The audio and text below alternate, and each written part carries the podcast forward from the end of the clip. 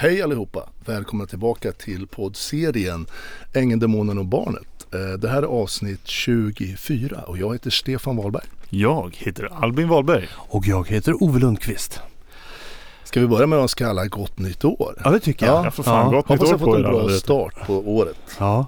Att ni har haft det bra i helgen. Och att eh, ni inte har gjort för många nyårsluften som man ska bryta sen. Att ni inte äter Nej, jag- inte lika mycket köttbullar som vi har gjort. Ja precis. Har du gett något nyår, nyårslöfte Ove? Nej, jag tror inte Du på bara det. nej! Nej, Mm. jag, tror, jag tror Nej. inte på det. Jag tänker så här, vill man göra någonting så bestämmer man sig nu. Eller alltså när det är mitt på Mm. året. Till exempel om man ska sluta röka till exempel. Sluta bara nu och inte bestä- vänta till nyår och ha nyårsluften. Jag, jag, Det där är jag så här tror lite samma grej. För alltså nyårslöftena man ger, de, det är ju inte du får en, blixt, en idé som blixt från klar himmel på nyårsafton. Jag menar du har gått och tänkt på det flera veckor, flera månader förmodligen. Men det är väl bara en ursäkt att skjuta på det lite Ja. till förmodligen. Och bara, jo men vid nyår, då är det dags. Bara, Nej men vad fan, det är bara en dag som alla andra. Det är bara att köra om man vill. Vill man inte så kör man inte och kör man, vill man så kör man. Vad den är, bestäm er, sätt upp mål och delmål. Sen är det klart. Men en sak är säker, gymmet är fullspäckat veckorna efter nyår. Ja. Det är alltid så. Jag tränar på Ja. ja. Gustavsvik här i stan i Örebro. Bästa gymmet tycker jag.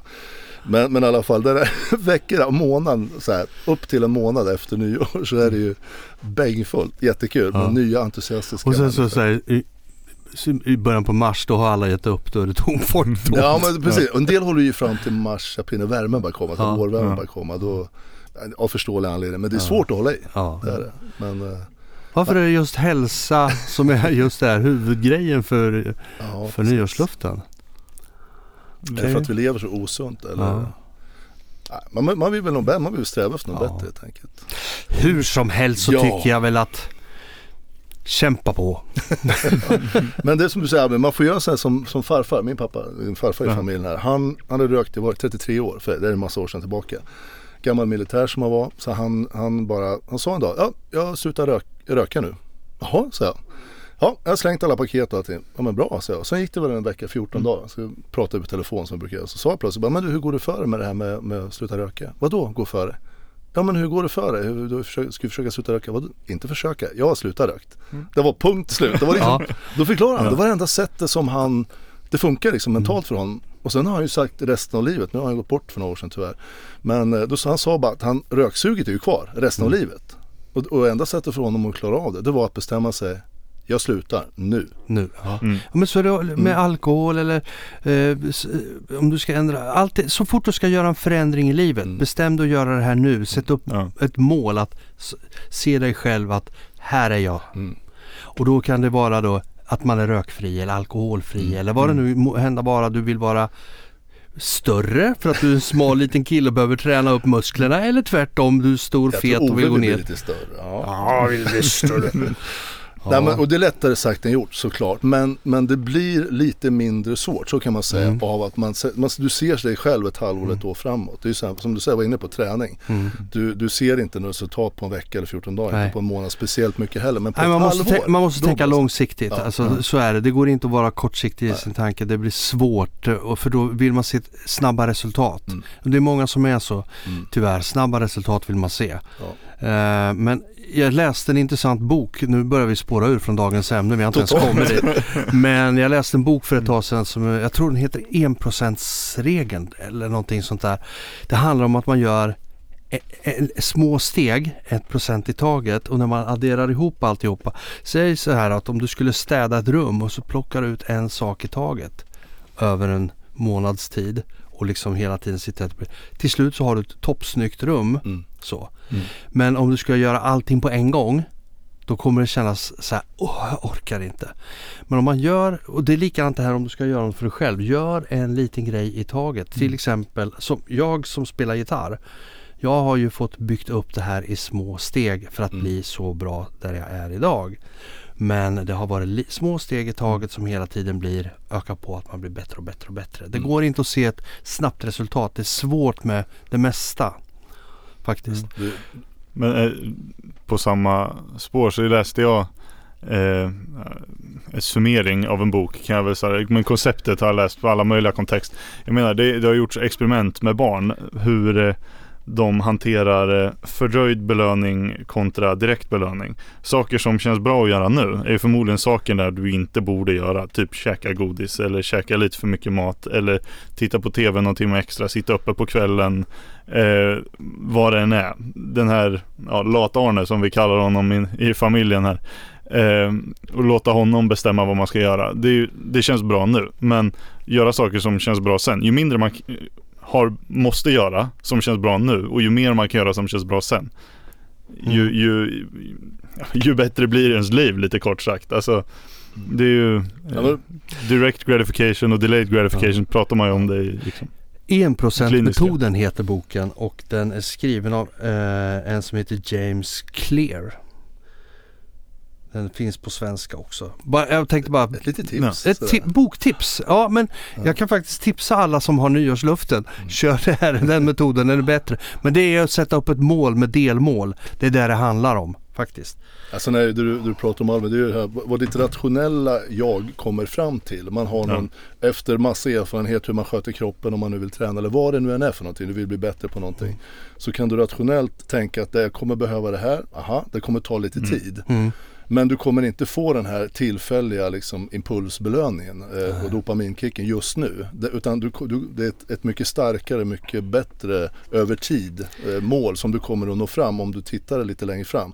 Och så lägger du upp en plan och när du gör de här små delmålen så kommer du nödvändigtvis inte känna liksom, eh, någon jätteglädje alla gånger du gör de här små grejerna. Men du vet, din, ditt rationella jag vet att den kommer här om en månad eller ett halvår eller vad det är. Jag har, det här är faktiskt en aha-upplevelse för mig. Nu har vi snöat in på det här men vi får, vi får försöka runda av det. Jag, jag kan säga för mig själv, jag har ju kört enduro hela mitt liv. Om ni vet vad det är så är det motorcykel. Till skillnad mot cross, det är på likadana motorcyklar fast man kör mycket längre banor i skogen. Mm. Jag har kört, jag tror jag startat, en av de som har startat flest novemberkurser i Sverige. Den går en gång per år i november. Det är kallt, det är blött, det är långt. Det brukar Mm. det är vara- lerigt. Det är lerigt och det är liksom det, det är så eländigt som man kan tänka sig. Alltså ger du ut med motorcykel i liksom mellan 12 och 15 timmar så kör du en liten stund på dagen, uppehåll några timmar, sen ger du ut på, på natten i Det är till för november. självplågare det där. Ja men, men det, det är liksom en väldigt Det speciell det kom, tävling. Och, garanterat. och man kör den inte. Det här är ett klockrent exempel. Man kör den inte för att det är så kul att åka motorcykel.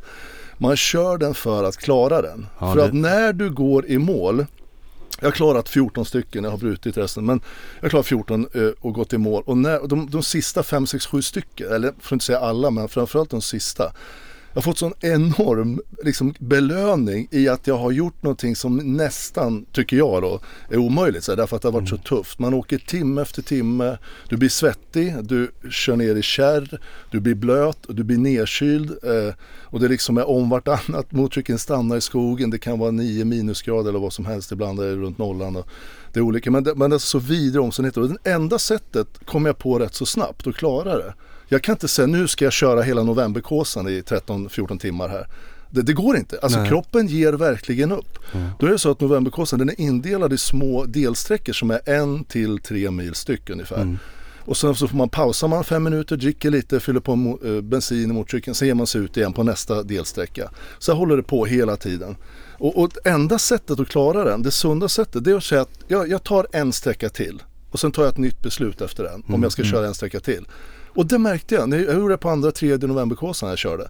Då bara kände jag, och rätt vad det så hade jag ju bara två, tre sträckor kvar. Och då plötsligt, då börjar du se slutet, då börjar du få lite vittring. Och då får du en boost av det. Men innan det så, när jag hade tio sträckor kvar och hade kört fem kanske.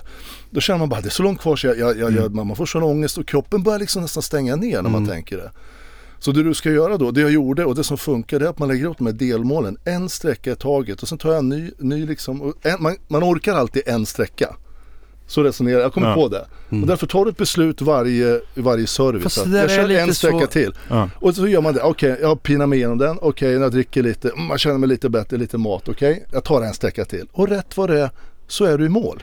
Det är det här vi har pratat har vi om, receptet, eller som jag har liksom. pratat om. Det är det här, du har ett slutmål men du, Ja. de här delmålen, att du får Du dela har varit upp inne på det det. tidigare, det är Och så det- jävla viktigt. Ja, och det där blir så praktiskt det du beskriver nu för det här är ju en del som man gör det på Och det här är ju ett ex- extremt fall där man verkligen ställs för prövningar. Mm. Och då så kan det vara i andra situationer också. Att man får, men då får man ta en bit i taget. Och den här enprocentsmetoden som jag Mm. pratade om innan. det Det här är lite samma sak. Så absolut. Vilken start på nyår att börja prata om sånt här. Ja, Alla får ångest. men det tror jag kan vara att boost för året. För alla. Jaha, vart var vi idag då? Nej, men- Stefan? Jo, så här, vi har fått feedback vilket är så jävla roligt. Alltså på riktigt, det går rakt in i hjärtat. Jättemånga av er som har hört av er. Jag måste nämna någon här bara. Det var en, jag vet inte ålder på men det kändes som att han var lite en yngre man som, som han, han skrev verkligen från hjärtat vill han tacka oss därför att det kändes som att vi pratade direkt till honom. Han, han hade gått en tid ja, en, en längre tid och funderat på vad i hela friden som hände i hans förhållande som hade tagit slut då. Eh, en bra tid innan men han har gått rätt så lång tid och funderat på, han, han, det var verkligen från hjärtat Mm. och han menar på att normalt så men vi, vi pratar inte så mycket utan vi försöker ju lösa saker själva sådär. och så försöker vi göra det och vi, vi liksom, det, det är så vi, vi ska göra. Ja. Men det kändes så jävla fint och sen eh, och jag ville nämna det verkligen. Jag- tycker det är så jävla coolt att, att ni vågar skriva. Att ni gör det. det. Jag uppskattar det jättemycket. Eh, för då liksom på något sätt då, då får vi Mm. direkt feedback på att, att, eh, att det betyder någonting det vi gör. Vilket är jättekul. För det är det som är meningen. Mm. Att vi ska dela med oss av det vi, vi tänker och har upplevt och sådär. Och sen har vi fått lite andra synpunkter på eh, innehållet och sådär. Vilket vi också välkomnar jättemycket. Och då har det kommit upp att ni, ni gärna vill veta lite grann. För att många av er som lyssnar, jag skulle säga de flesta personerna på någon nivå har ju upplevt det här med narcissister eller människor med narcissistiska drag. Mm. Och man kan då ställa sig frågan, vad, vad, vad är, hur, hur liksom ska man tänka om, är den här personen en narcissist eller inte? Det ringde en kompis här i, i början efter första avsnitten och sa att, eh, någonting om att, ja men jag är rädd, eh, tror du min, min fru är narcissist och sådär. Och det, är- det är en befogad fråga, vad fan är det här för någonting? Liksom, hur, ska man, hur ska man tänka? Jag själv hade väldigt svårt i början att liksom k- cleara ut alla tankar och, och reda ut dem. Och vi kan ju prata om lite mer vad en narcissist är och vad en narcissist inte är också. Ja, för det, man slänger sig rätt ofta med att folk är narcissister eller psykopater utan egentligen ha grund och fog för det. För- Eller Mm. inte kunskap om vad det egentligen är. Så vi får väl... eh, Precis. Nej, Försöka- alltså, ja, vi kan väl säga så här att en, en narcissist, om, alla har ju varit med i, så här kan man säga, narcissistbegreppet har ju blivit brukat och missbrukat lite eh, x antal år. Jag vet inte när det börjar men många pratar ju om människor, narcissister hit och dit och sådär. Ja, senaste tio åren i alla fall. Ja, det kan man väl säga i alla fall. Och det är fan inte lätt att liksom eh, eh, vad, vad, är, vad är narcissism? Alltså alla vi människor, till att börja med kan man säga, det har vi ju sagt tidigare och så är det. Alla människor har narcissistiska drag, om inte annat ibland och sådär. Och, och sen när man kommer upp tillräckligt mycket på de här dragen, och vad är det för drag vi pratar om? Jo, det finns ju en, en, en niopunktslista där man liksom kan, där man ska gå igenom. Om man, om man tänker om ni har haft någon partner eller ni har en partner eller familjemedlem eller vän eller chef eller vad det nu än är för någonting.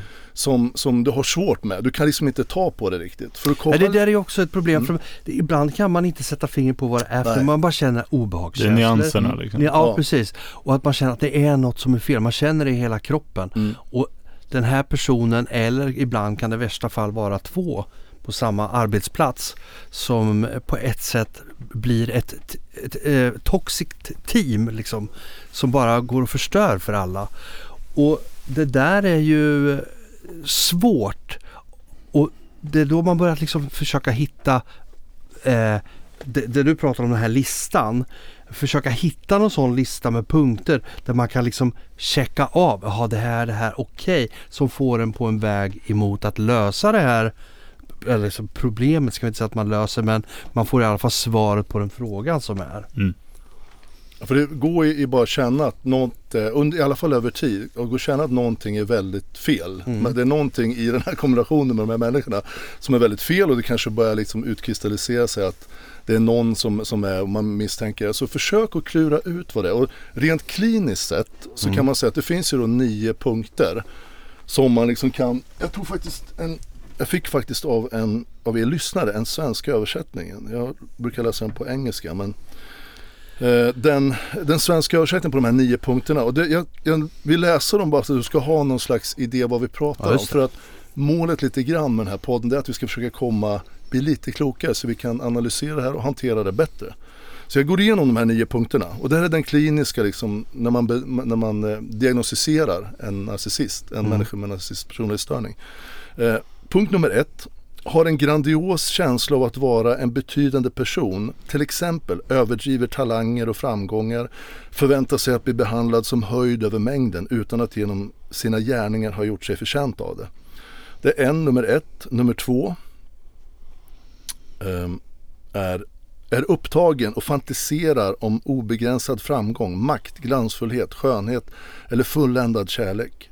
Tre, tror sig vara speciell och unik person som, eh, som bör söka sig till eller bara kan bli förstådd av andra personer eller institutioner som är speciella eller har hög status. Mm.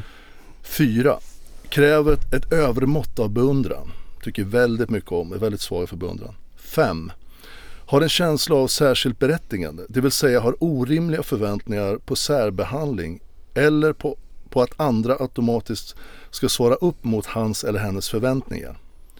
6. Utnyttjar andra, det vill säga drar fördelar av andra för att uppnå sina egna mål. 7. Väldigt viktig punkt. Saknar empati. Är obenägen att uppmärksamma eller identifiera sig med andras känslor och behov. 8. Är ofta avundsjuk på andra eller tror sig vara föremål för andras avund. 9. Är arrogant och högdragen i sitt beteende eller i sina attityder. Och då är det alltså så att om en person uppfyller över tid, alltså inte bara så här någon enstaka gång, alla kan komma i perioder när man har kris och man beter sig tokigt och så får man be om ursäkt. Men om man över tid uppvisar minst sex av de här nio, då är man diagnostiserad narcissist. Alltså en, då du är diagno- diagnostiserad med en narcissistisk personlighetsstörning. Och det där kan ju inte vi här, eller en, man, behöver ju, man måste ju vara utbildad och ha rätt utbildning såklart. Men det här är grunden för hur man jobbar rent kliniskt med det. Det där är ju ett sätt att, för oss då som inte jobbar med det, att eh, i, i alla fall försö- pos- försöka identifiera en narcissist eller person med, med narcissistiska drag. Och sen kan man ju också se på vilken skala man är. För det var ju som du började med att säga att alla är, har narcissistiska drag på ett Precis. eller annat sätt. Och det är ju en liten överlevnadsinstinkt också. Och det, dessutom är det en drivkraft för att komma framåt. Eh, därför att eh, det här med att eh, få uppmärksamhet. Det är ju många som gör det idag. Alltså jag pratar om sociala medier. Man håller på, man ska synas så mycket och man jagar likes och hela den här biten. Men det är ju inte sex av de punkterna. Det är kanske bara en eller två. Precis. Så det behöver ju inte betyda att de är narcissister. Men de har narcissistiska drag. Mm. Därför att de tycker om att bli uppskattade. Mm. Och de kan bli avundsjuka på andra som har mer likes. Alltså fruktansvärt avundsjuka. Men för det eh, behöver de ju inte vara eh, alltså, högrankade narcissister. För det är inte där. Utan man måste komma upp i fler utav de här och över lång tid. Så. Ja, det, det är ju ett enormt subjektivt, eh, vad ska vi kalla det, konceptsystem egentligen. Som man behöver ju vara en utbildad eh, psykolog eller psykiatriker eller Ja. vilka, vad, vilka titlar som nu skulle kunna utge sig för att kunna sätta en sån här diagnos. Jag menar det här blir ju bara ett verktyg för oss som är vanliga lekmän att försöka tolka våran omgivning och Mm. människor som vi har problem med. Och jag menar vara ärlig med sig själv och bara uppleva jag hur mycket av det här upplever jag egentligen i personen som För här är det ju det här att eh, det är ju en del som, eh, just det här som man ser, jag kan ju se då på ungdomskulturen idag som även har dragit iväg över vuxna människor, alltså de som är ända upp i alltså 50 och 50 plus. Som eh, håller på med sociala medier och det ska, man samlar likes. Och det här har ju dragit igång också den här eh, psykopat och narcissistdiskussionen där också. Att och den där jävla psykopaten håller på att på vräker ut sig för allmänheten. Men sen, vet du vad ens vad en psykopat är? Har man ju lust att ställa frågan. Därför att det är så lätt att slänga sig med de här begreppen utan att egentligen ha eh, som den här listan till exempel som kan vara en, eh, i alla fall en utgångspunkt att samla ihop och se. Och som du säger att det ska vara flera saker i den här som ska man ska då eh, checka för för att det ska då anses vara eh, en, som en diagnos kanske. Nu kan ju inte vi diagnostisera på det sättet men Nej men det, det är ju inte därför vi eh, liksom gör den här podden heller, för vi ska diagnostisera Nej någon. precis, utan men, vi, men, vi, men bara ta upp det till ytan och prata om det. Ja men alltså det handlar ju om att eh, vi pratar ju väldigt mycket för er som eh, har råkat ut för eller kommer råka ut för eller, eller har en narcissist i er närvaro så ni ska försöka han- hantera det bättre. Jag har ju, vi har alla på något olika sätt, jag har rätt nyligen gått igenom en rätt kraftig liksom, period eller vad man ska kalla det, i, i, i det här ämnet. Där jag har liksom gått eh, vänt och ut och in på mig själv och till slut fatta vad jag lite grann, vilka, vissa grundgrejer som jag behöver göra. Och där jag har kommit liksom faktiskt ännu bättre ur det än vad jag var innan. Så det går att vända till något bra. Men alltså när man är där inne och man förstår inte vad som händer. För de här personerna vi pratar om, de som är, har minst sex av de här traitsen, de är, så, de är definitivt inte dumma Nej. när det gäller på det de gör. Alltså det här med att, att, att vara narcissist om man uttrycker sig så lite slarvigt. Men de, de är väldigt, väldigt duktiga på det. De har manipulerat stora delar av sitt vuxna liv. Större delen. De kanske till och med lärde sig det här när de var unga. För det, som ni vet, så pratade om tidigare, så kommer det från trauman i uppväxten.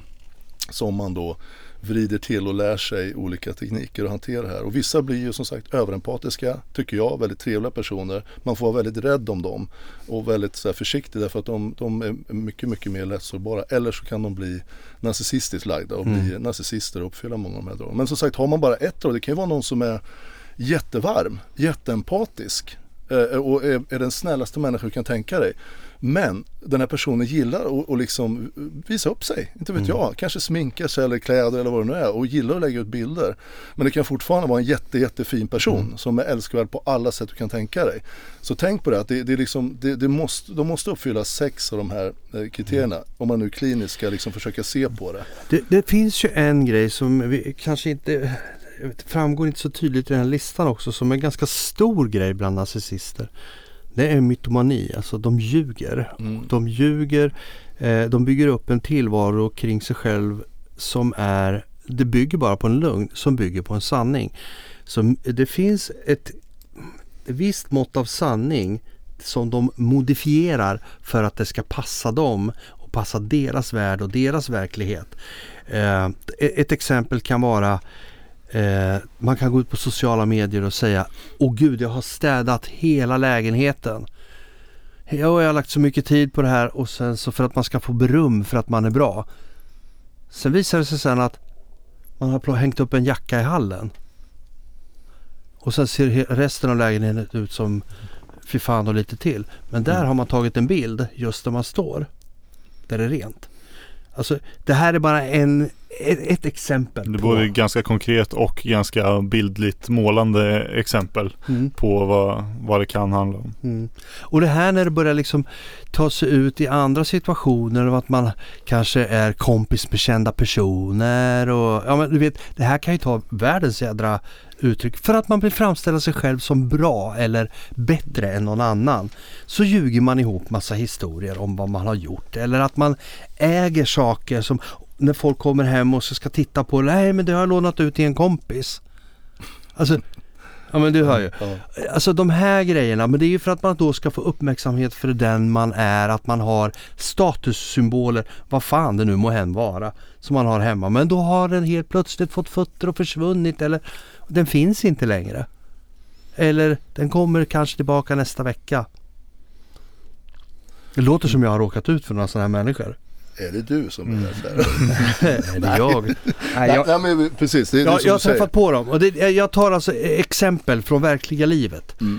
eh, där det har hänt. Och det det är personer jag har träffat på genom livet. Och, eh, alltså, det tog lång tid innan jag... Eh, eh, jag hade en i min eh, närhet som vi misstänkte var psykopat eller narcissist. Vi visste inte riktigt. Så vi var tvungna att liksom läsa på så mycket vi kunde och försöka hitta ledtrådar. För vi var i den situationen att man kände att något var fel men man visste inte vad det var.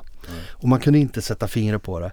Men sen var det en stor artikel i en av kvällstidningarna om just det, de har sammanfattat alltihop och det här måste ju ha varit 15-20 år sedan. Och det var, då var det ju rätt udda att skriva om det här då. Idag är det ju ingenting för det pratas om det mycket mer idag. Mm. Då kände man all right och sen var man tvungen att läsa på lite mer och få eh, vad ska jag säga, så mycket information man bara kunde. Då var det lättare att kunna känna, okej, här har vi, det, det är det här. Och man tar människor som börjar prata lite, eh, alltså som ljuger rätt mycket. Då börjar man se igenom det där på ett annat sätt. Vilket har gjort att jag har blivit ganska duktig på att kä- känna, man får som en radar så här. Man bara, okej nu är det bullshit. Den här bullshit-radarn. Mm. Och den kommer efter man har liksom samlat på sig kunskap och erfarenhet. Mm. Därför att det finns en röd tråd genom alla de här personerna. De gör på samma sätt. Det är lite intressant. Ja. Att du kan liksom, det finns en lista som faktiskt gäller. Var du än är i världen, vart de här än Ja. finns, så kan du. Det är lite så här- universellt. Lite märkligt nästan att det Ja. är så, att de använder samma tricks. Mm. Att du kan liksom komma åt, eh, du kan, Mm. ja, du, du kan liksom pointa dem genom att Mm. eh, tänka på ett visst sätt därför att det funkar likadant. Och det, Mm. det är bra att öka sin medvetenhet, medvetenhet när det gäller det här. För har du inte råkat ut för någon riktigt sån här så kommer du göra det. Procenten och fakta säger att de här personerna ökar ju. Alltså, eh, vi, vi lever ju ett mer och mer narcissistiskt Ja. samhälle där vi är fullständigt många av oss fångade i våra telefoner. Ja. Vilket är å ena sidan jättebra för vi får reda på massa men å, å andra sidan så har det fått massor med bieffekter Mm. också. Det här med som vi pratade om att det är så jävla viktigt. Man borde ju knappt gå ut på Facebook och titta om det är någon som har grattat när man fyller och sånt där. Och, och det, för det betyder så mycket. Man får försöka liksom. Men och- den här perfekta familjen som finns på Facebook Mm. eller på Instagram och alltihopa. Man framställer sig, man bygger en fasad utåt Mm. där, av perfektion där man blir hyllad till skyarna. Men bakom fasaden så är det bara tragiskt och trasigt och förstört. I de fallen det är det så är det, så är det ju dubbelt Ja. tragiskt på något sätt. Och- det är ju, Jag ska väl inte säga att jag har någon sådär specifik som jag känner men jag har läst eh, om flera sådana här situationer där det har hänt där det har varit så. Den här perfekta familjen. Och jag har bekanta som har pratat om det. Eh, så, och det är ju som du säger, det är tidens tand lite grann för att det är så just nu. Det har byggts upp utav det här att man ska prestera på sociala medier. Och man måste vara bättre än alla andra Mm. och finare och ha mer och framstå som, vad ska jag säga, både rik och framgångsrik. mm. Men jag tänkte på en annan grej också, det här med eh, att eh, eh, en narcissist behöver ju inte betyda att de är farliga eller obehagliga eller någonting annat utan det finns ju de som de är verkligen farliga på riktigt. Mm. De går, kan gå över lik för att bara få det de vill. Men sen finns det andra som faktiskt inte har det. Som har ett visst mått utav eh, samvete kvar. Och eh, det gör ju det att de är ju på den lägre skalan. Så, så någonstans där så de behöver man inte fundera lika mycket på som de här andra som kan vara obehagliga faktiskt. Mm. Ja, men det har vi sagt flera gånger tidigare och det, det är värt att nämnas om och om igen. Att, att har du klart för dig, får du klart för dig att du har att göra med en narcissist. Ja, gör en egen bedömning, var klok och så, så objektiv du kan enligt den här listan. Mm. Eh, och du känner och du förstår med en viss kunskap vad det är för typ av person. Om du ser personen över tid och du ser de här dragen. Då, har du, då kan du ha att göra med en väldigt, väldigt farlig person. Mm. Och de kan bli ofta verbalt, de växlar ju väldigt mycket fram och tillbaka och sådär. Är- barn och änglar och sen så är det, det kommer demonen fram ibland och sen så ber de om ursäkt och så kör ni på igen. Och du tror att den egentliga personen det är ju den här, det är den här ängeln då. Men, men har du sett alla de här dragen vid några tillfällen då förstår du att du har att göra med en person som, s- som inte, inte är bra helt enkelt. Nej. En bra vuxen, mogen person som har mognat, den är ju den är ju sig själv jämt, mer eller mindre. Det är klart du kan bli arg ibland eller ledsen och upprörd. Jo, jo, men såklart. det- det men det är in, ju inom något liksom annat, normala men- gränser. En, när en narcissist visar sin demonsida då, då, blir man, då ska man bli rädd. Liksom. Därför att det liksom är på det sättet som vi har beskrivit tidigare också. Mm. Har du fått klart för dig efter noga övertänkt så liksom vad, att, att det är, har du fått klart för sig att det är en, en narcissistisk person så ta det på allvar. Mm. Eh, återigen, det, vi kommer nämna det mer därför att det är viktigt. Det kommer att förgöra det annars. Eller risken är att du blir, du, blir- det, för, det förgör dig liksom. Mm. Och, Alltså jag har en tanke som jag skulle vilja dela och se vad, vad ni tänker om. För, för du sa nyss här för en stund sedan Stefan att eh, det blir vanligare och vanligare med narcissister. De blir fler och fler. Alltså kan vi ha att göra med en värld som i stort, vad, nu är det en fråga om så här hönan eller ägget här lite grann. Men en värld som i stort håller på att bli lite mer storhetsvansinne, lite mer inte mytomanisk eller narcissistisk men något åt det hållet. Jag, jag ska ta några exempel här. Mm. Eh, för jag personligen, väldigt bilintresserad, lite nördig eh, skulle väl vissa påstå. Men jag noterade för en bunt år sedan här hur många biltillverkare började sälja, om, om ni vet hur man delar in eh, kategorier av bilar, olika biltyper. En kupé, Mm. det är en tvådörrars eh, bil. Mm. Den har två dörrar, en baklucka ibland. Liksom. Det, men det, det är som hela grunddefinitionen av en kupé. Mm. En bil som är en kupé, den har två dörrar. Men bilhandlarna, eller biltillverkarna, de börjar sälja fyrdörrars kupéer. Varför, vad, vad, är en, vad, är, vad är ens en fyrdörrars kupé? Det, det är en kupé som inte längre är en kupé, det är en sedan för den har fyra dörrar. Men man ska sälja en fyrdörrars kupé för att det låter häftigare och säga att ja men jag har köpt en kupé. Jaha, vadå? Ja, en sån sån, en fyrdörrars kupé. Ja men okej, det är inte en kupé men det är en kupé. Sen efterföljaren till fyrdörrars kupén, då kom ju en shooting break, en femdörrars shooting break. En shooting break för er som inte vet, är lite mer nördigt nu här. Då är det alltså på 50-60-talet rika män som ville ha en sportbil men de fick inte in eh, golfbagen bak i bilen. Så då byggde de, satte de på som ett rakt tak och en baklucka så de Ja. kunde dra till shooting rangen med sin break. Det blev en shooting break. Eh, häftiga bilar kallades för en break. Eh, och eh, då så byggde man alltså en sportbil med baklucka som en kombi. Så du hade en tvådörr, ja tredörrars då om man räknar med bakluckan för det är så man gör. En tredörrars kombi. Men då efterföljaren till fyrdörrars kupén var ju femdörrars shooting breaken. Och jag, jag satt alltid och funderade på det här och bara va?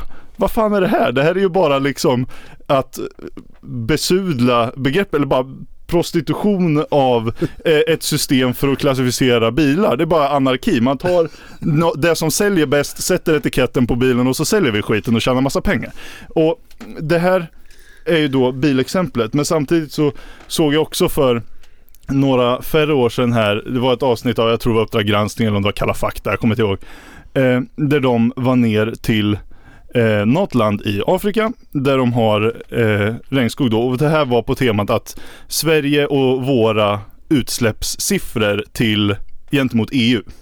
Vi tävlar med alla andra länder i EU om att ha så låga utsläpp som möjligt. Och då är det liksom netto hur mycket vi släpper ut kontra hur mycket vi gör för att förbättra. Och då var eh, Sveriges, eh, staten i Sverige har köpt in tjänst i Afrika där vi ska plantera massa regnskog.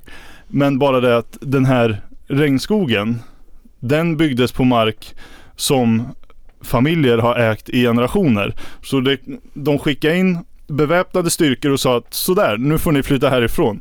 Och familjen på fyra, fem generationer säger, vadå? V- vad menar du? Ja, ni äger inte den här marken längre, det ska bli regnskog nu.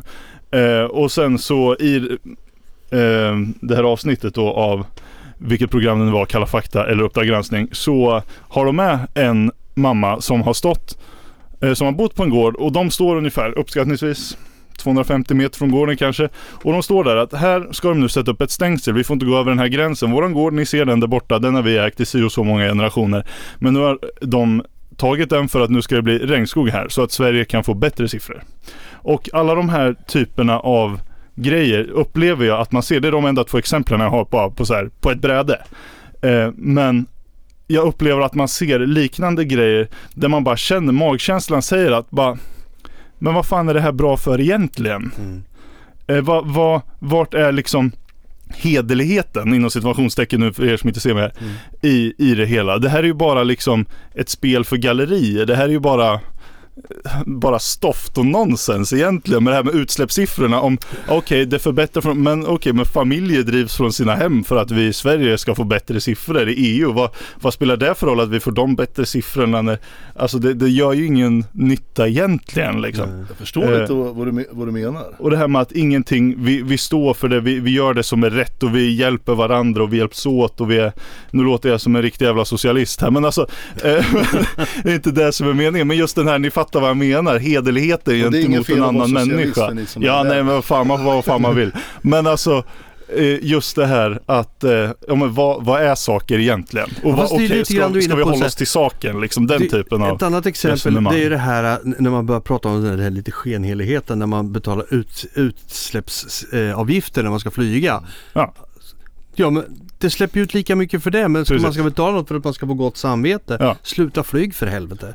Vad är problemet? Ja, ja. Alltså, Ja, vi, Exakt vi är nog snudda lite på det vi har pratat här om att man, de som gör det här är ju fullt medvetna. Ta de här skogarna nere i, som planteras nere i Afrika. Ja. De är ju fullt medvetna om, de som har hand om Ja. hela processen, att det är familjer efter familj efter, som drivs ifrån sina hem. Ja, ja. Men du använder en liten del av sanningen. Så vi ska plantera skog, det är jättebra. Men man, man, man tar bort det här som är det här elaka man gör. Vilket är fruktansvärt att driva bort familjer från sina gårdar. Då hade ju ingen sagt, ja, Nej. men det här är okej, det här är fan inte okej. Inte ett jävla dugg.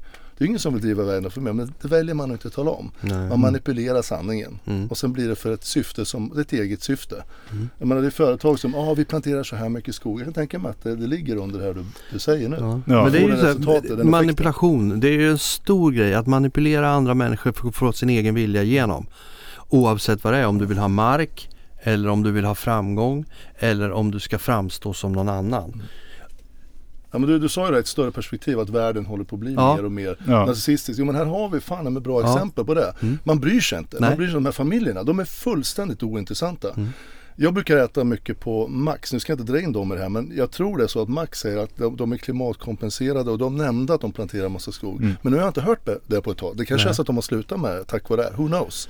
Men, men om det nu är så att man, man liksom gör det här så, så måste man ju ta ansvar för det hela vägen. Jag tror att det har varit samma med Arla och deras ekomjölk för att de hade så här klimatkompensation. Att, eller de var noll, kom, noll klimat eller vad, vad det nu står. Ja. Vilket inte stämmer. Eh, de det låter någon, vackert. ja, de, det Mm. låter vackert. De hade någon speciell uträ, eh, uträkning för det där. Men nu ska man väl inte stå och säga att Arla är narcissister. Men just det här liksom att, att förvanska sanningen ligger ju i ett sätt inom företagsstrukturer att göra ut emot konsumenter därför att man vill vilseleda och på annat sätt. Så att det gör inget att tumma på sanningen lite grann. De här dragen, de finns även där. Finns eh, alltså på marknadsavdelningar hos företag. Precis, likväl som det finns privat hos personer.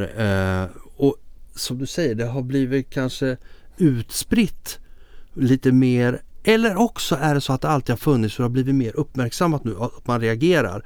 Att man gick på det förut. Man trodde Det på är säkert en lögnerna. del. Det är säkert en del. Jag menar alla de här stora företagen nu, Ikea och allt vad du vill, hur de var back in the days, det kommer ju aldrig fram. Nej. Men nu är det mer öppet och nu liksom har skärpt till sig vilket är jättebra. Mm. Så, så, men, men som sagt generellt så är det nu mer att det här med makt och pengar, alltså det, det är precis som att vi, det spinner på mer och mer och mer, snabbare och snabbare. Man är kanske beredd att svälja mer och mer som företagare eller Mm. om det är politiker eller vad det är. Det är så lätt att vräka ur sig någonting som låter bra. Man Mm. kanske då möjligtvis tar mindre och mindre ansvar för det. Fast eh, jag kan väl tycka så här då. Nu, nu, nu kommer jag sticka ut hakan. Oj, håll i. Nu jävlar. Ja, men bara i- inför valet som var nu så lovades en jävla massa ifrån högern. Och sen händer ingenting. Nej. Utan man bara, nej det vet jag inget om. Mm. Här har vi någonting att vi säger precis vad som Och jag skulle vilja säga att Johan Persson, om du lyssnar på det här. Vad fan håller du på med? På riktigt? Nu har jag fått det sagt. Oh, talat? Kändes som Ja. det här vägde tungt i ditt bröst Ove. Ja, men jag blir förbannad på det. Alltså det där är ju jävla trams. Ja. Där, där har vi dock en bransch som det, det känns gammalt som politiken själv. Att man säger allt för att få röster Precis. i princip och sen så för- efter så är det lite, menar lite skitsamma. Bäck- Ja precis, så här har det ju varit länge. Ja. Nu börjar folk bli mer förbannade och reagera på det. Men tyvärr är det så blir det liksom, vi kan inte få politikerna att förstå och ändra sig. Nej. Men det här är också sådär, de här vardagslugnerna som är. Och det finns ju överallt och det är ju en del utav det här. Men jag tror att man har blivit mer observant på sådana här saker. I och med att allting numera loggas och, och registreras online så du kan gå tillbaka till. Det är allt ifrån eh, inspelade intervjuer till eh, texter. Eh, ja men allt sånt här finns så du kan backa tillbaka och säga, men vad fan, du sa ju så här. Så det är rätt, rätt lätt att gå tillbaka i historiken och se. Därför så ser du också resultatet av en lugn. Att det, men fan det här är helt fel och det är Så, lugn. så att inte Ebba Busch i Heta stolen här för, inom, Jo. för en vecka sedan vad det var. ja. Och de spelade upp vad hon hade lovat Ja. innan. Och jag, nu har jag inte hört det men det var någon som berättade att det var ju pinsamt att höra. Ja. ja men det är det här jag menar. Alltså idag är det så mycket lättare och jag tror faktiskt att det är en av anledningarna till att vi har blivit mer observanta och att man ser det här tydligare och att det är globalt. Och på det sättet är ju internet och media jättebra. Internet nu att vi har det liksom. För världen har ju blivit mycket, mycket mindre på det Ja. sättet. Vi kan ju liksom pejla in med Google. Ja men vi kan ju sitta här och prata med varandra och du så säger du en sak, det var som jag gjorde förut, jag tog Mm. reda på vad den där boken heter. Precis. Precis, sitter och googlar på Mm. en gång. Och så sätt är det ju jättebra. Ja. Absolut, så är det Men sen är man ju, som sagt, eh, det vi pratar om det är de här narcissistiska tendenserna med. Det är ju, och när, när man blir drabbad, det är det vi pratar om nu, det är ju stora exempel där, där enskilda familjer blir drabbade men ändå män, och även människor blir Mm. lurade. Man tror man kör, man väljer kanske ett företag som, som har sagt att ja, vi planterar och vi gör det här och det här och det här för miljön. Vilket är jättepopulärt nu. Mm. Och det är klart att vi ska göra allt vad vi kan för miljön. Sen kan man alltid gå in och diskutera vad det är för någonting, vad som Mm. är bäst att göra och hur vi ska hantera det. Men, men som sagt, eh, det, det blir så här storskale narcissistiskt beteende av företag Mm. där, där vi som människor luras. Där är det väl upp till oss att försöka ta reda på fakta. Mm.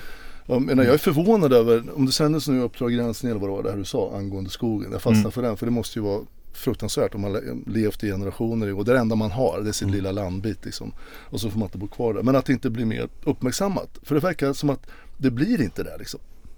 Jag menar, vi får se vart den här podden tar vägen. Vi har ju många lyssnare och det ökar ju. Men som sagt, vi, vi, man vet ju aldrig hur pass intressant det är. Och speciellt med sådana här grejer som man får se. För vi blir också matade med så mycket elände. Det kommer ju fram så mycket Ja.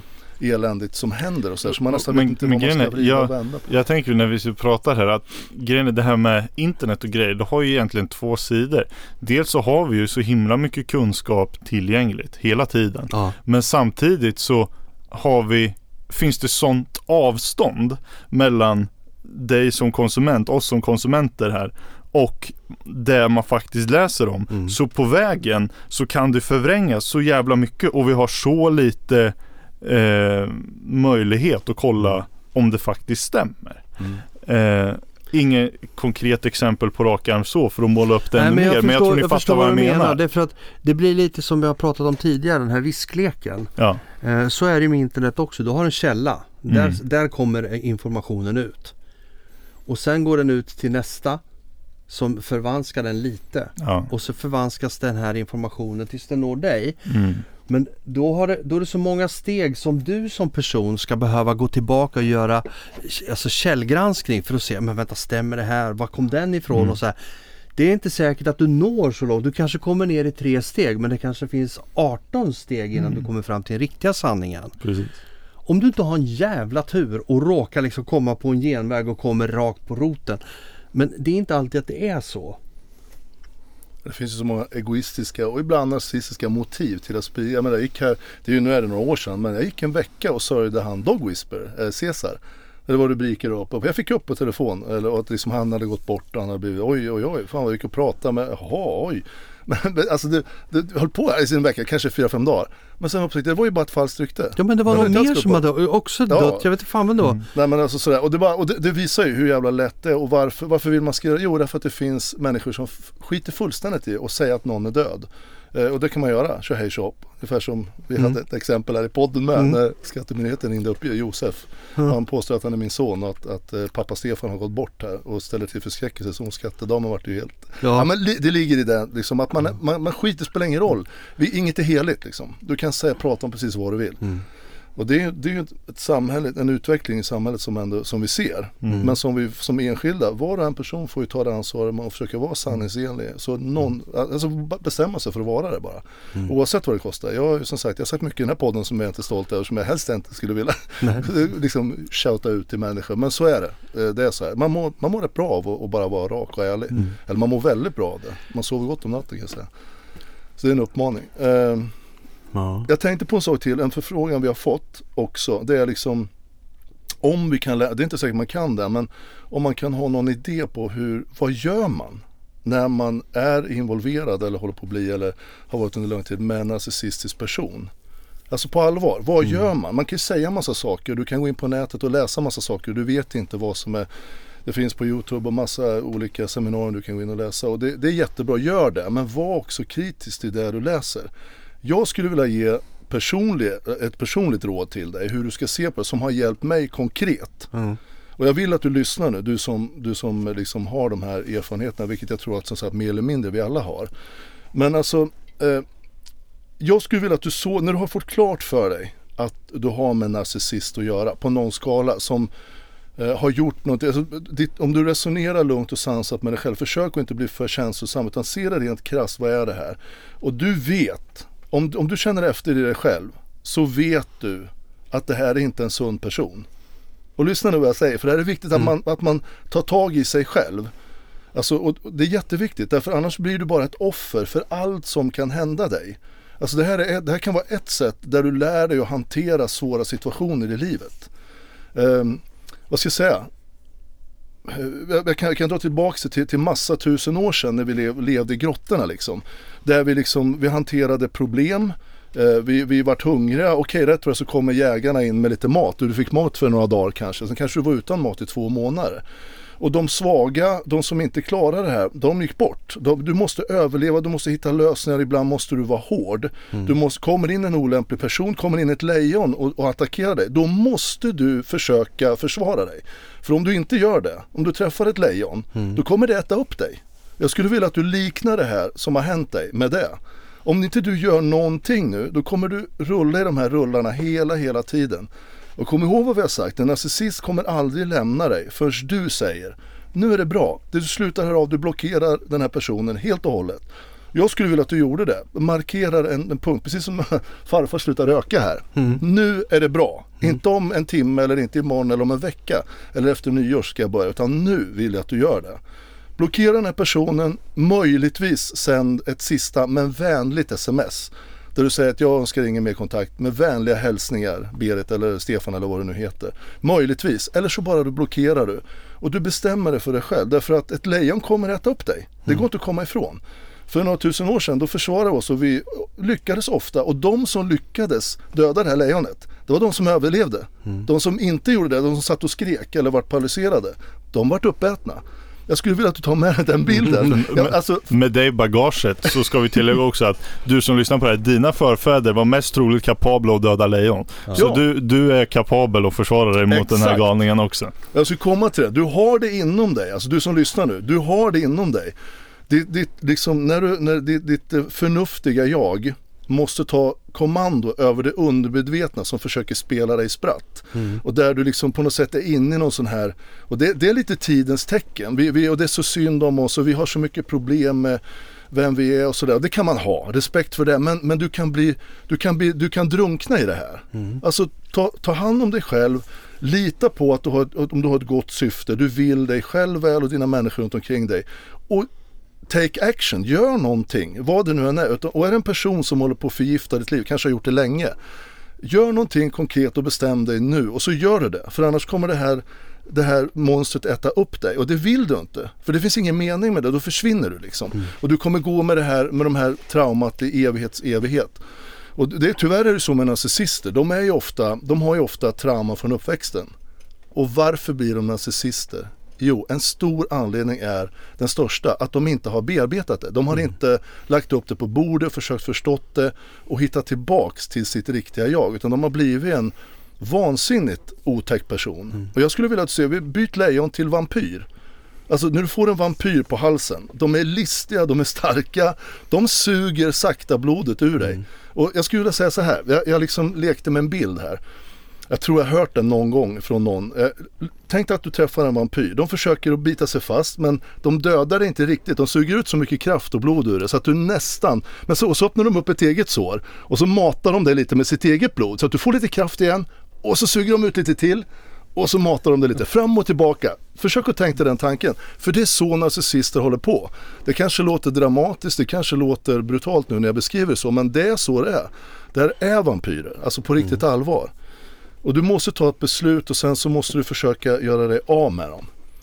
Och med tanke på att de dessutom är empatilösa de flesta. Ja, de bryr sig inte om Nej. du går under utan de kommer utnyttja dig och suga ditt blod så länge det finns något blod kvar som de så har länge det är till gagn för dem själva. Mm. Ja, men så är det. Och liksom, i- all, vad ska jag säga, eh, eh, bilden man kan se, istället för att liksom bryta det här så kan du ju, du kommer få sår så hela tiden. Is- Istället för att liksom säga nu är det bra, nu ska jag läka, nu, nu, nu bryter jag här. Så kan du hålla på och marinera liksom de här såren och, och liksom försöka få dem att att smaka lite bättre och sådär. Och, och liksom ja men egentligen är den ju personen bra. Nej det är den inte. Nej. Låt ditt liksom förstånd, eh, närvarande förstånd resonera.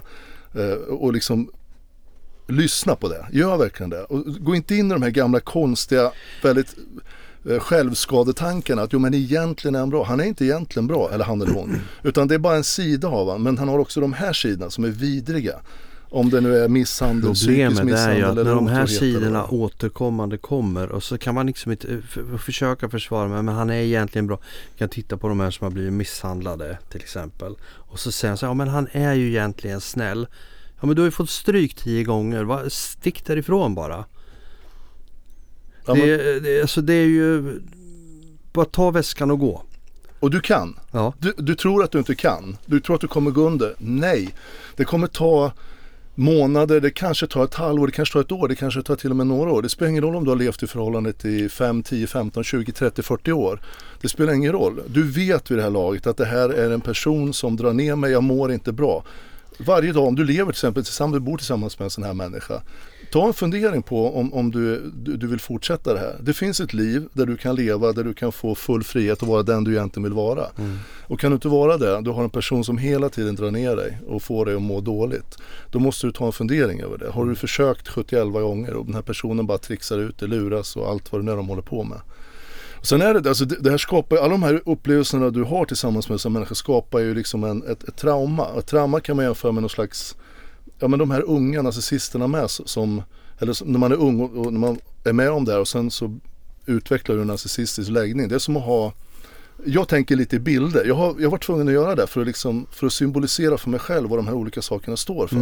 Och drar du med dig ett sånt här trauma, till exempel att du har haft en kärleksrelation också eh, när du är vuxen med en narcissist som inte är bra men du tänker åh vad jag sa. Du saknar de här stunderna för de är fantastiska. De kan vara jäm- när de är ängen. Då är de best of the best. Men problemet är att det här är inte bara deras enda sida. De har en sida som gör att du, du, du, du, du förstörs på sikt. Jämför med att du, du liksom, när du har gjort slut med relation, jämför att det här traumat är som ett, som ett, som ett lik från narcissister. Ja, men förlåt, en, en död, du, du ska bära med dig här liksom. Okej, då den hänger med dig, vad den är, åh, tänk eh, vad mysigt det skulle vara att ha den här Bertil eller vad, vad nu är för person, vad han nu heter, eller hon. Eh, Men, men alltså du måste bli av, du måste slänga av det här. Du måste lägga av det från ryggen liksom. Den ska inte hänga med längre. Och vissa av er som går i terapi, eh, är jättebra, gå i terapi. Men tänk på när du går i terapi, eller du pratar med en vän som kanske vill prata med att du inte liksom bara att du sitter och, och nästan skyddar det här. Och, och, för att du kan ju, om man ska jämföra terapin, jag har ju pratat med vänner om det här, men du Albin har fått, vi har några timmar också. Därför man behöver bli klok runt och kunna hantera det. Och du behöver bolla det med någon. Så du får lite feedback på det du, det du tänker. Men alltså om du, om du tänker att du liksom går i terapi eller du gör någonting åt det, du skaffar dig kunskap. Se till då att du lägger bort det här, att du inser att det här är ingen bra person. Och en sak är viktig att förstå. Den här personen har aldrig, äl- aldrig älskat dig. Aldrig. Nej. Alltså observera det. Och jag menar väl, du måste, säg, tänk inte så här, jo men du förstår inte hur det är. Jo, jag förstår rätt så bra om du, om du har haft att göra med en sån här person, hur det är. Och man tror jättelänge att egentligen så, så älskar den här personen mig. Bara det att vi har lite, vi har kommit på ur kurs. Men vid ett tillfälle, jag trodde jättelänge att jag hade en, en verklig relation med Eva. Vilket jag inte hade, jag förstår ju det nu. Men, och du, hur, jag, hur, hur har jag liksom kommit fram till det? Jo, därför att jag förstår allt vad hon har gjort nu i efterhand. Det är ju det som avslöjar en narcissist. Det är allt vidrigt som kommer efter. Och det handlar inte bara om att hon har manövrerat ut mig affärsmässigt, för det kan man göra. Man kan vara fräck i affärer. Utan lägg till allt det andra vidriga, hur man kan ljuga, bli påkommen och så ljuga om det, ljuga mer. Man kan ta till det värsta du kan tänka dig i lögner och sprida runt. Och du, det bekommer inte, du drar in dina barn, mina barn är inblandade här också. Bekommer de inte. När man lägger ihop det, då inser man, okej, det här är inte bra. Hon kan ju uppenbarligen aldrig någonsin ha älskat mig. Och du måste tränga in det i huvudet och bestämma dig för att nu, från och med nu, då, det är liksom, det kommer aldrig bli vi, det och nu bara berätta hur jag gick igenom det för, för ett bra tag sedan nu. Och, och du måste jobba framåt. Mm. Och när du väl kommer till en gräns så kommer du komma en morgon där du vaknar upp och känner Fan nu är det nice att leva igen, riktigt ordentligt. Där, där du Mm. Det faktiskt blir ju lämnar lite kroppen. kvävande att liksom ha den här känslan med sig innan man får liksom frigöra sig från den. Ja, För du kommer ingenstans. Du blir, Nej. du blir hindrad att fortsätta leva och komma upp till den potential du egentligen har. och, och ta den hjälp du får och lyssna på allvar. För att, det var det jag var inne på här med terapi. Om du inte gör det, då blir terapin som att du, du, du, du sprutar parfym över liket. Mm. Då luktar det gott en liten stund. Men sen hänger det fortfarande kvar, det bara luktar igen. Ja men på allvar! Ja, jo, jo, det bildligt talat, släng av dig skiten liksom. Nu är det bra, begrav det och säg att nu, alltså bildligt. Mm. Begrav det och säg att det här, eh, det här traumat nu, och det kan symbolisera i ett lik eller vad du vill. Det låter ju dramatiskt, men symbolisera det. Nu har jag begravt det, nu är det färdigt. Och man sörjer en stund som man gjorde förr i tiden. Eh, Gamla stammar, de hade ju i sorg så dånade om det. De satt och grät hela stammen i några dagar. Och sen var det bra, sen går man vidare. För det är så man överlever. Du kan inte gå och älta det här hela livet. Det är mitt råd. Bestäm dig för en punkt och så gör du lite som jag har sagt här nu. Det är några tips bara. Ja. Och måla upp lite symboliskt för dig själv. Liksom. Av med skiten, begrav det, gå vidare och inse att du, du har aldrig blivit älskad. Du har missuppfattat det. Ta den smällen. Den försvinner inom ett halvår, ett år. Så är det. Det känns som vi ska lämna av med de här orden. Släng bort liket från ryggen Ja, istället för att parfymera det. Oj, vilken... vilken Eh, ja. Ja. Nej, men, ja, men det är en bra, det är en bra man bild. behöver vara extremt Ja. tydlig. Liksom. Om vi nu ska symbolisera Ja, det här eller lik är inte mycket att ha. Därför det funkar inte. Det, det är Nej. kvar där. Av med skiten, begrav det. Gör en liten ceremoni för dig själv. Ja, Tack för den tid som har varit. För du älskade narcissisten i ett förhållande. Men narcissisten älskade inte dig. nej. Och det är där det vart missförstånd. Nu har du förstått att det är så, rätta till det liksom så. Och det är, du har inte gjort något fel, troligtvis. Om du har råkat ut för en narcissist så har du aldrig gjort något fel. Troligtvis så är du en extraordinärt kärleksfull person som har möjlighet att älska och som gjorde allt du kunde, allt rätt. Men du fick inte det du trodde du fick tillbaka. Om man har dragits med en narcissist alldeles för jävla länge då har man ju uppenbarligen förmågan att förlåta i alla fall. Ja, Eh, och det, det är en bra start. Ja, ja. men absolut. På- på något Ha, ska, vi, ska vi ta och avrunda? vi gör det. Eh, och jag skulle vilja då uppmana er som lyssnar att ni får jättegärna höra av er för att det är många som redan nu hör av sig och ju fler desto roligare för att det ger ju också, era frågor och funderingar gör ju att vi får uppslag till fortsatta poddavsnitt. Och som du har sagt tidigare, vi hänger inte ut några utav er som är utan vi, vi eh, kan ta upp eh, ert ämne och prata kring det.